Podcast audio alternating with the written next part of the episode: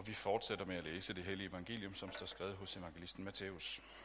Seks dage efter tog Jesus, Peter og Jakob og hans bror Johannes med sig og førte dem op på et højt bjerg, hvor de var alene. Og han blev forvandlet for øjnene af den. Hans ansigt lyste som solen, og hans klæder blev hvide som lyset. Og se, Moses og Elias kom til syne for den og talte med den. Så udbrød Peter og sagde til Jesus, Herre, det er godt, at vi er her. Hvis du vil, bygger jeg tre hytter her, en til dig, en til Moses og en til Elias.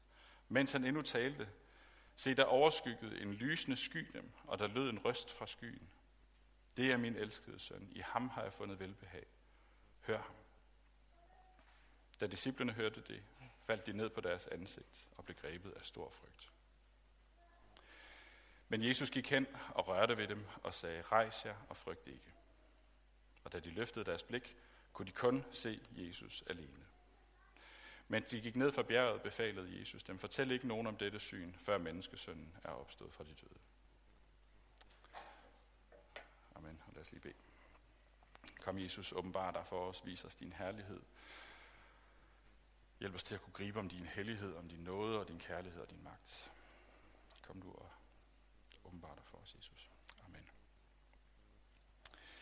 Både øh, inde på øh, præstekontoret og øh, hjemme hos os selv, der har vi øh, det her billede der hængende.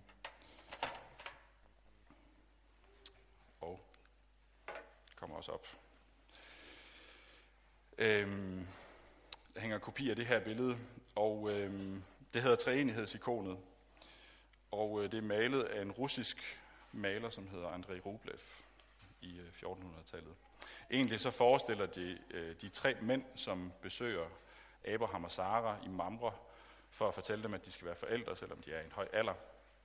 Men billedet det har samtidig også et dybere lag, fordi det viser faktisk primært nogle af maleren Rublevs forestillinger og tanker om, hvordan den treenige Gud er. Hvordan de tre figurer, fader, søn og ånd, som er samme væsen, forholder sig til hinanden og til verden og til mennesker. De tre figurer, de er samme størrelse, samme væsen. Det er den samme blå farve, der går igen i deres øh, klædning. Jesus, øh, nej undskyld, faderen er ham til venstre øh, i billedet med den gyldne klædning. Jesus sidder i midten øh, med den guddommelige blå farve. Han har også den brune farve på sig, den brune farve for jorden. Han er sand Gud og sand menneske. Og så over på flanken her, så sidder Helligånden, den livgivende Helligånd, i den grønne farve, den grønne farve, som vi også har i kirkeåret for forvandling og for vækst. Billedet det er malet på en måde, hvor man kan se, hvordan de betragter hinanden. De sidder sammen med hinanden, de har fællesskab med hinanden. Hvis man gerne vil se nærmere på nogle af de her detaljer i billedet, så står det heroppe efter gudstjenesten også. Jeg holder rigtig meget af det her billede. Dels fordi billedet kan være med til at give noget sprog, som kan føre mig et stykke hen ad vejen ind i den mystik, som det også er, det vi bekender, at vi, be, vi bekender en treenig Gud. Men også fordi den understreger den invitation, som er i Bibelen. Den cirkel, som de her tre, de udgør. Man kan tegne en cirkel rundt omkring dem. Men det er en ufuldstændig cirkel. Den er ikke afsluttet, den er åben. Det her ikon, det bliver også kaldet gæstfrihedsikonet. Fordi de to skikkelser, som man kan se fødderne på, faderen og ånden, de signalerer med deres fødder og med deres kropssprog, at man gerne må sætte sig ned på den samme plads. Kom og sæt dig ned. Kom og nyd fællesskabet med Gud. Kom og sid ved bordet. Kom og nyd den vin, som står på den tomme plads. Eller kom og knæl ved aldret, så kan man også læse det. Det kan også være en kalk, der står på bordet, ligesom der står en kalk på vores bord. For mig så er det en påmindelse om, at jeg skal sætte mig ned jeg skal sætte mig ned og være sammen med Gud. Jeg skal bruge tid på det. Der er en åben plads til mig og til dig i treenighedens fællesskab. Og det er vigtigt for mig at blive mindet om det. Og det er vigtigt, at vi bliver mindet om det. Vi skal sætte os ned og lytte efter. Vi skal sætte os ned for bare at være. Vi skal sætte os ned for at være i selskab med faderen, med Jesus og med ånden. Særlig vigtigt tror jeg, det er, når vi er i et samfund som det, vi er i lige nu. Der er historisk mange ting, der kalder på vores opmærksomhed. Vi har en informationsstrøm, som aldrig nogensinde slutter. Mange af os er tilgængelige det meste af døgnets timer, fordi vi lever i en digitaliseret verden. Og det kan godt være, at det er bekvemt og smart på mange måder, men vi afgiver også en masse ting af os selv. Vi afgiver en ret stor del af vores privatliv. Hvor mange af jer har prøvet at sidde og snakke om noget ved spisebordet, noget som I lige står og mangler. Og så en time eller to efter, så får I nogle målrettede og meget specifikke reklamer ind på jeres øh, internet, jeres browser, jeres Facebook osv. Push-reklamer. Din smartphone, din computer, forbinder dig med hele verden. Men det er også maskiner, og det skal man ikke tage fejl af. Det er maskiner, som er designet til at stjæle din tid. Særligt din smartphone. Din smartphone er designet til, at du skal få lyst til at kigge på den, du skal få lyst til at interagere med den, du skal få lyst til at tænde den. Der er mange apps, som er designet på en måde, hvor de holder dig kørende så længe som overhovedet muligt, så du kan rammes med så mange reklamer som overhovedet muligt. Du bliver inviteret ind konstant i alle mulige rum. Det er bare den digitaliserede verden. Men der er jo alle mulige rum, hvor vi bliver inviteret ind i. Alle mulige kontekster, hvor du kan købe, hvor du kan designe, hvor du kan sammenligne. Der er mange stemmer, som gerne vil sige noget til dig. Og der er noget af det, der er godt. Og andet, og meget af det, desværre, er knap så godt for os. Der er meget af det, vi får serveret, som er formet af den her verden i al sin herlighed. Og meget af det er slet ikke særlig herligt. Verden har brug for, at den rigtige herlighed bryder igennem. Og det er det, vi får et glimt af i teksten til i dag. Siden afslutningen af julen, så har vi her i den her Hellige Tre Kongertid fået nogle forskellige åbenbaringer af Jesu herlighed. Hvad er det for et menneske? Hvad er det for en Gud, som er blevet til kød og blod, og som har taget blod, bolig blandt os? Hvad er det, Guds indtog i verden betyder? Det begynder med de tre vise mænd. I virkeligheden var der nok ikke tre, men der var mange flere, men vi afbilder dem som tre. De vise mænds besøg hos Jesus og hans familie. De finder det her mystiske barn, som er blevet sunget om af englene, og som er blevet beundret af hyrderne, og nu bliver han tilbedt som konge. Vi har også mødt den 12-årige Jesus, som lærer os, at det vigtigste det er at være i Guds nærvær, i vores fars nærvær. Vi har hørt om det første tegn, Jesus han gjorde, vand til vin.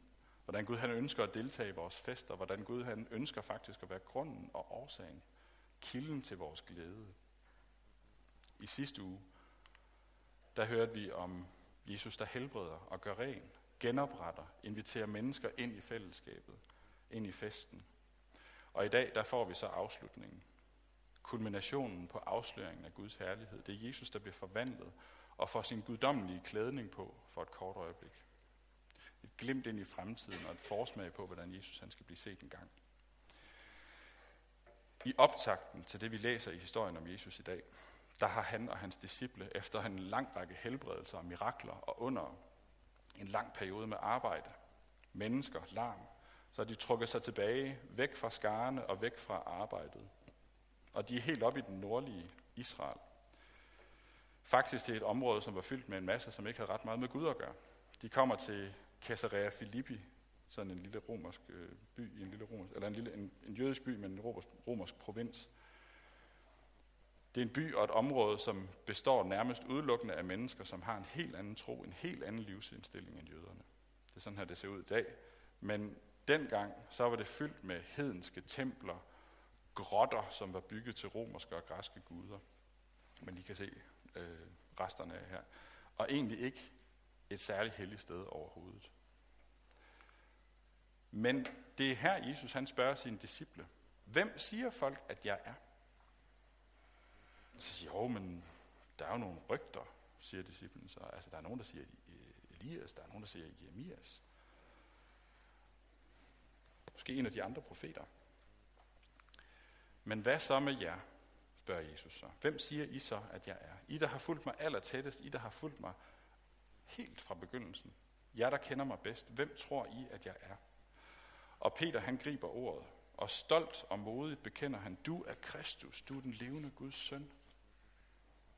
Det har du ret i, siger Jesus. Det har Gud selv åbenbaret for dig. Det er ikke noget, du står og finder på. Og det er fra da af, at Jesus han begynder at afsløre for dem, at han selv går imod noget andet end bare herlighed. Han skal også lide og dø. Noget, som de har rigtig svært ved at acceptere og høre på. Især Peter, som lige har bekendt Jesus som Herren, men han kan da ikke dø. Men der er noget større i vente for ham og de to brødre, Jakob og Johannes. Det er dem, der er aller tættest på Jesus. Det er dem, der nu, sådan knap en uge efter Peters bekendelse, får lov til at komme med Jesus op på et bjerg i nærheden af der, hvor de er i Caesarea Philippi højst sandsynligt. Det her det er en forunderlig og vild tekst. Jesus han lyser som solen. Hans tøj bliver lysende hvidt. Og samtidig så kommer de to største helte i Israel til stede. Moses, som selv vandrer tæt sammen med Gud, som taler med Gud, og som fik mere at se af Gud end noget andet menneske. Ham, der får loven fra Gud. Guds ord til sit folk. Elias er der, den største, en af de største af profeterne. Og selve det her møde på bjerget, det er jo i sig selv en reference til det, som Astrid hun læste op lige før, den, den historie fra Gamle Testamente, hvor Moses møder Gud og taler med Gud og får del i den her smittende hellighed, som Gud han også er. Moses han har været så tæt på Gud, at han selv kommer til at lyse, fordi han bliver et genskin af Guds hellighed. Lidt ligesom når månen den lyser, fordi den bliver ramt af solen. Månen skinner ikke af sig selv. Det gør Moses heller ikke. Moses han skinner, fordi han er blevet lyst på af Gud. Men der er noget anderledes ved det her. Jesus han skinner ikke bare som et genskin, fordi han bliver lyst på. Her er det Jesus selv, der lyser. Det her det er afsløringen af den fulde herlighed, sådan som Jesus han også er. Og så kommer samtalen. Jesus han har en samtale med de øverste repræsentanter for det gamle testamente, loven og profeterne. Jeg ved ikke med jer. Når der bare står, at Moses og Elias kom til stede, og han talte med dem, jeg vil give en del penge for det, men det kan også være, det er bare fordi, jeg er præst. Jeg vil give en del penge for at høre, hvad den samtale den har indeholdt. Hvad er det, de snakker om? Hvad er det, de spørger ham om? Hvad siger Jesus? Og måske Jesus han bare bekræfter dem, når de spørger, var det dig, vi ventede på? Var det dig, vi pegede frem imod i det, som vi har skrevet, det, som vi har fortalt, i det, som vi har vidnet om? Der er sådan et element af tilbage og frem i tiden, det her, i den her tekst. Fordi der kan ske meget på et bjerg, uanset hvor det ligger. Bjerget her, det peger tilbage på noget, det skete på Sinai's bjerg for Moses. Men samtidig så peger Matthæus også fremad mod noget af det, der sker senere i evangelierne på et andet bjerg. En høj lidt uden for Jerusalem. Den vi kalder Golgata. Julens historie og påskens historie, det tager hinanden i hænderne i dag. Nu slutter vi julen, men vi går hen længere og længere ind imod påsken. Vi kommer længere og længere ind i det mysterium, som det også er, at Guds fulde åbenbaring ikke ligger i højdepunkterne, men også i det offer, som han bringer for os. Inden åbenbaringen på bjerget, så har Peter bekendt, at Jesus han er Messias, han er Guds konge til verden, og lige efter det, så begynder Jesus at fortælle dem, at han skal dø, at der er en pris at betale, og at han betaler den største pris, fordi der er et kors, der venter. Historien her på bjerget, den spejler sig i påskens historie på Golgata. Så her på bjerget, der bliver Peter og Jakob og Johannes særligt udvalgt til at blive vidner til den her fantastiske åbenbaring. Men næste gang Jesus han tager lige præcis de tre med sig et sted hen, så er det i haven i Gethsemane hvor han spørger, spørger dem om at bede for ham, inden påskens drama for alvor går i gang. Og det formår de ikke. De falder i søvn. Her på det her bjerg, foran disciplen, der bliver Jesus åbenbaret i herlighed for øjnene af, af dem. Men på Golgata, på den her høj lidt uden for Jerusalem, der bliver han slået ihjel i den dybeste skam. Her på det her bjerg foran disciplen, der står Jesus sammen med Moses og Elias, de to største helte i Israel, på Golgata, der hænger han på et kors sammen med to røvere.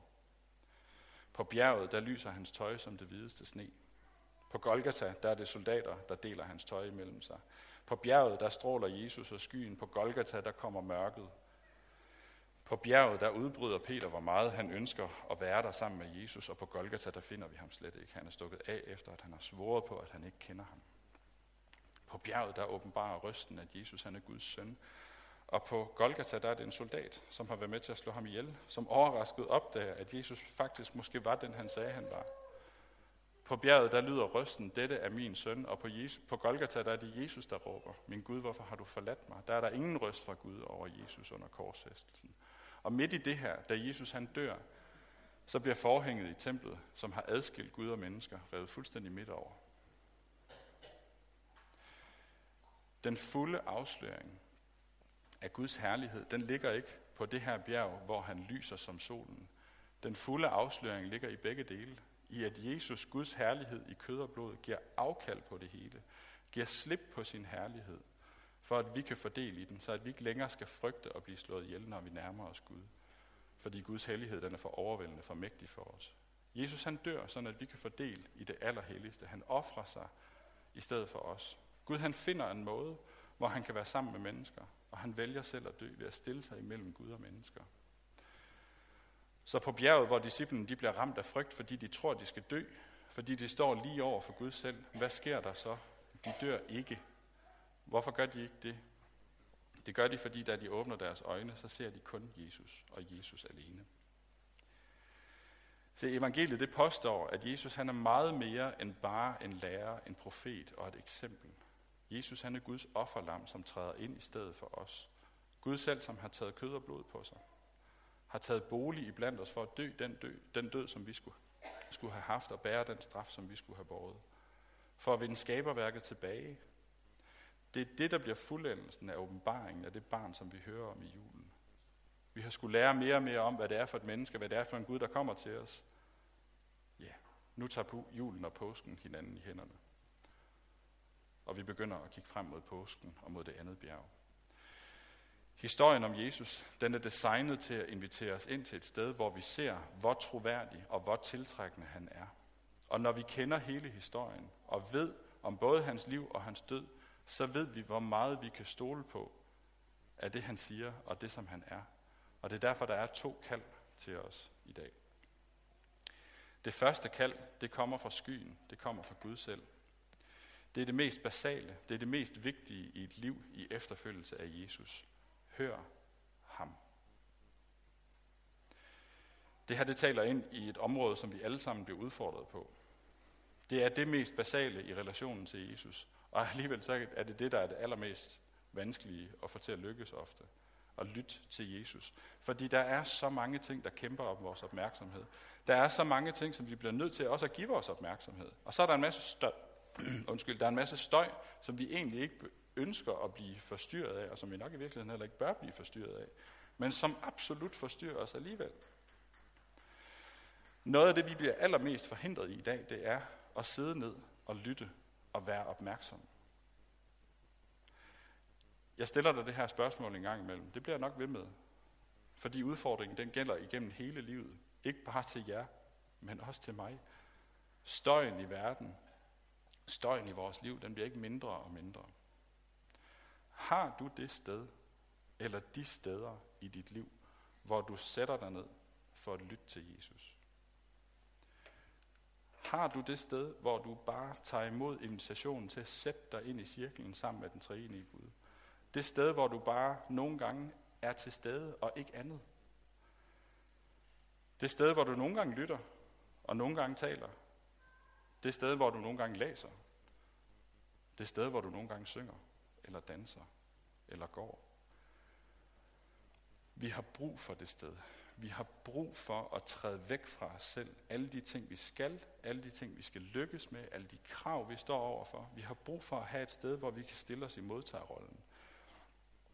Hvor vi vender os om, og hvor vi overgiver os. Hvor vi nogle gange venter, uden faktisk altid at få ret meget lige nu fordi vi nogle gange skal stille os et sted, hvor vi venter. Det er der et kæmpestort emne i, at vente på Gud. Og vi berører det bare lige i dag. Men prøv lige at lægge mærke til, fra Peters store bekendelse, du er Kristus, den levende Guds søn, og til åbenbaringen på, den her bjerg, på det her bjerg, der går der seks dage. Seks dage, hvor det, de hører fra Jesus, det er de to bomber, som han placerer hos dem lige efter bekendelsen. Jeg skal snart dø. Det er den første bombe. Og så kommer bombe to. En hver af jer, der vil følge efter mig, han skal være klar til at modtage samme skæbne og tage sit kors på sig og gå efter mig. Seks dage til at gå og tænke over det. Og så kommer åbenbaringen. Og den kommer ikke kun for tre af disciplene. De andre disciple, de må vente endnu længere på den fulde forklaring. Det her det er et sårbart rum at gå ind i. Fordi når vi sætter os ind i det rum, hvor vi lytter til Jesus, så går vi ind i det domæne, hvor vi anerkender, at vi ikke selv har kontrollen. Vi har ikke kontrollen over det, vi får at vide, eller den måde, vi får det at vide på, fordi vi går ind i Guds nærvær. Det her det er et sted, hvor vi vender os væk fra os selv, hvor vi overgiver os, overgiver kontrol. Faktisk overgiver vi også illusionen om kontrol, fordi i virkeligheden så handler det måske også om, at vi skal erkende, at der er mange, mange ting, vi ikke kan styre i vores liv, og ikke skal styre i vores liv. Det er et sårbart sted at være, men vi har virkelig brug for det. Vi har brug for at have det rum, hvor vi bliver stille, hvor vi kan lytte til sønnen, hvor vi kan høre, hvad han siger, hvor vi investerer den tid, det tager at være i en relation. Mod Teresa, hun blev engang interviewet, og så blev hun udspurgt om sit forhold til bøn. Og journalisten, han spørger hende, hvad hun dog siger i alle de der bønder, som hun går og har, og som hun går og siger til Gud. Og så siger hun, jeg lytter. Og så vender journalisten spørgsmålet lidt rundt, og så siger han, hvad, hvis, du, hvis du lytter, hvad siger Gud så? Og så smiler mod Teresa, og så svarer hun, han lytter. Og hvis ikke du forstår det, så kan jeg ikke forklare dig det, siger hun så. Det er ikke altid, der er stille, når vi lytter til Jesus. Men indimellem så er der. Fordi nogle gange, så er det bare som at sidde i en god vens selskab. Nogle gange er der ikke altid behov for ord. Tid så kan man bare være. Det skal man øve sig i. Og i starten, så kan det være akavet, at der bliver så stille. Så nogle gange, så kommer vi til at agere lidt skørt, ligesom Peter han også gør det. Skal ikke bygge et hus? Lad mig gøre et eller andet. Det er rart at være her, Jesus. Lad mig gøre noget. Det er okay. Det må gerne være akavet, for du er sammen med din far. Du er ikke sammen med en flok fremmede, du er sammen med din far. Jeg sagde i starten, at der er mange ting, som kalder på vores opmærksomhed, og det er også rigtigt. Der er mange ting, der peger i retning af, at vores skærmforbrug, vores afhængighed af digitale medier i det hele taget, det kan skabe nogle virkelig store problemer for os. Men jeg tror, at der er et endnu dybere lag på, hvorfor ikke bare mange af os, som sidder herinde, men i vores samfund i det hele taget, har så vanskeligt ved at rumme stillheden. Rumme ventetiden. Der er en dybt underliggende årsag til, at mange af os, vi ikke engang bare har det sted, hvor vi bliver stille. Vi faktisk heller ikke ønsker det. I stedet for, så distraherer vi os væk igen og igen. Vi tænder for fjernsynet, vi tænder for radioen, vi kigger på telefonen igen og igen. Hvorfor det? Jeg tror, vi er bange. Jeg tror, vi er bange for, hvad der sker med os, når vi slukker for vores distraktioner. Vi er bange for stillheden. Vi er bange for at stille os i en modtagerrolle. Fordi det også er i stillheden, at vi kan begynde at mærke vores følelser. Eller at vi bliver stillet ansigt til ansigt med vores bekymringer. Vores tanker om fremtiden. Uanset hvordan de ser ud. Tanker som, gør jeg det godt nok? Er jeg noget værd? Du jeg overhovedet til noget som helst? Vokser mine børn op med troen? Har vi penge nok? Slår jeg til? Tit har vi ikke lyst til, at der bliver stille, for vi har ikke lyst til at opleve den frygt, som vi forsøger at skubbe væk. Vi har ikke lyst til at konfrontere den. Hvis du kan genkende dig selv i noget af det, så tror jeg, at du skal høre det andet kald, du får i teksten. Fordi Gud han siger, lyt til min søn. Midt i vores liv, midt i vores søn, midt i vores glæder, midt i vores sorger og vores bekymringer, alt det hele. Hør på min søn, hør Jesus, skaf dig de steder, stil dig op på de bjerge, væk fra mennesker, fra alarmen, fra støjen, for at kunne høre, hvad han siger. Og hvad siger sønnen så? Hvad siger Jesus? Han siger, frygt ikke. Hele Bibelen er dækket ind af et frygt ikke. Den sæson, som vi står for at afslutte nu, åbenbaringstiden, den kommer som en respons på julen. Og hvad står som en af de vigtigste overskrifter for julen? Frygt ikke. Vi skal ikke være bange. Vi skal ikke være bange for noget som helst i vores liv. Jesus han kommer over til dig. Han rører ved dig. Han rejser dig op. Og så siger han, frygt ikke. Det er det, der skal ske i den stillhed, som vi så desperat ønsker at krybe udenom. Det er det Gud, han ønsker sig. Han ønsker at rejse dig op og give dig et liv i evigheden. Men samtidig så er det en frelse, som begynder nu, Gud han ønsker at rejse os op i vores liv. Han ønsker at gøre os bevidst om den fuldendte kærlighed. Han ønsker, at vi lever et liv i kraft af en fuldkommen kærlighed. Og den fuldkommende kærlighed, den fuldendte kærlighed, den ser vi igennem sønnen. Vi får den til at lytte til sønnen. Johannes han siger det på den her måde i sit første brev. Gud han er kærlighed. Og den, der bliver i kærligheden, bliver i Gud, og Gud bliver i ham. Der i er kærligheden fuldendt også, at vi har frimodighed på dommens dag, for som han er, så er vi også i den her verden. Frygt findes ikke i kærligheden. Den fuldendte kærlighed fordriver frygten. Når vi træder tæt på Jesus, når vi lader Jesus forvandle os, sådan at frygt, så, så begynder frygten at slippe sit tag i os. Og så bliver vi ustoppelige. Jo mere tillid vi vinder til Guds ord, til Guds løfter, jo mere vi går ind i relationen til Jesus, jo mindre kan ramme os. Jo tættere vi er på Jesus, jo mere kan vi tåle at miste. Vores penge, som vi er bange for at miste. Jesus han siger, vær ikke bekymret for noget i jeres liv. Vores anseelse. Vi er Guds børn. Hvad giver større anseelse end det, at Gud han kalder os børn, at han kalder os elskede, at han kalder os værdifulde? Vi er bange for at miste vores helbred og vores liv. Jesus han siger, jeg er opstandelsen og livet. You name it, hvad end vi kan miste. Jesus han er større end det, og han vil gerne fortælle dig, hvordan det hænger sammen. Så her til sidst, prøv at lægge mærke til, der står ikke, hvilket bjerg det her det er. Vi ved ikke, hvilket bjerg der er, der er tale om. Der er nogle spekulationer omkring det, men egentlig så er det ikke vigtigt for Matthæus at nævne det her specifikke sted. Måske fordi det netop ikke handler om det specifikke bjerg. Måske Jesus, han kan åbenbare sig på et hvert sted. Fordi Jesus, han kan åbenbare sig på et hvert sted. Det handler ikke om, at Gud han åbenbarer sig på et bestemt sted. Det kan ske hvor som helst. Find dig et bjerg. Find dig det sted, hvor du trækker dig tilbage og bliver stille og vent på, at Jesus han taler til dig. Prøv at høre ham fortælle dig, at du ikke behøver at være bange. Da de løftede deres blik, kunne de kun se Jesus alene. Givet det samme, det må gælde for os, at vi kun ser Jesus som den, der giver liv og fred og frelse, og som ham, der uddriver vores frygt. Lad os bede sammen. Tak, Jesus, fordi du opgav det hele for at kunne vinde os. For at kunne invitere os ind i din nærhed, ind i dit fællesskab, ind til din fest. Giv os mod og vilje og styrke til at gå ind i stillheden. Kom og tal til os, Jesus, så vi ser, at vi ikke er alene. Tal til os, så vi kan høre, hvad du siger. Kom og uddrive vores frygt.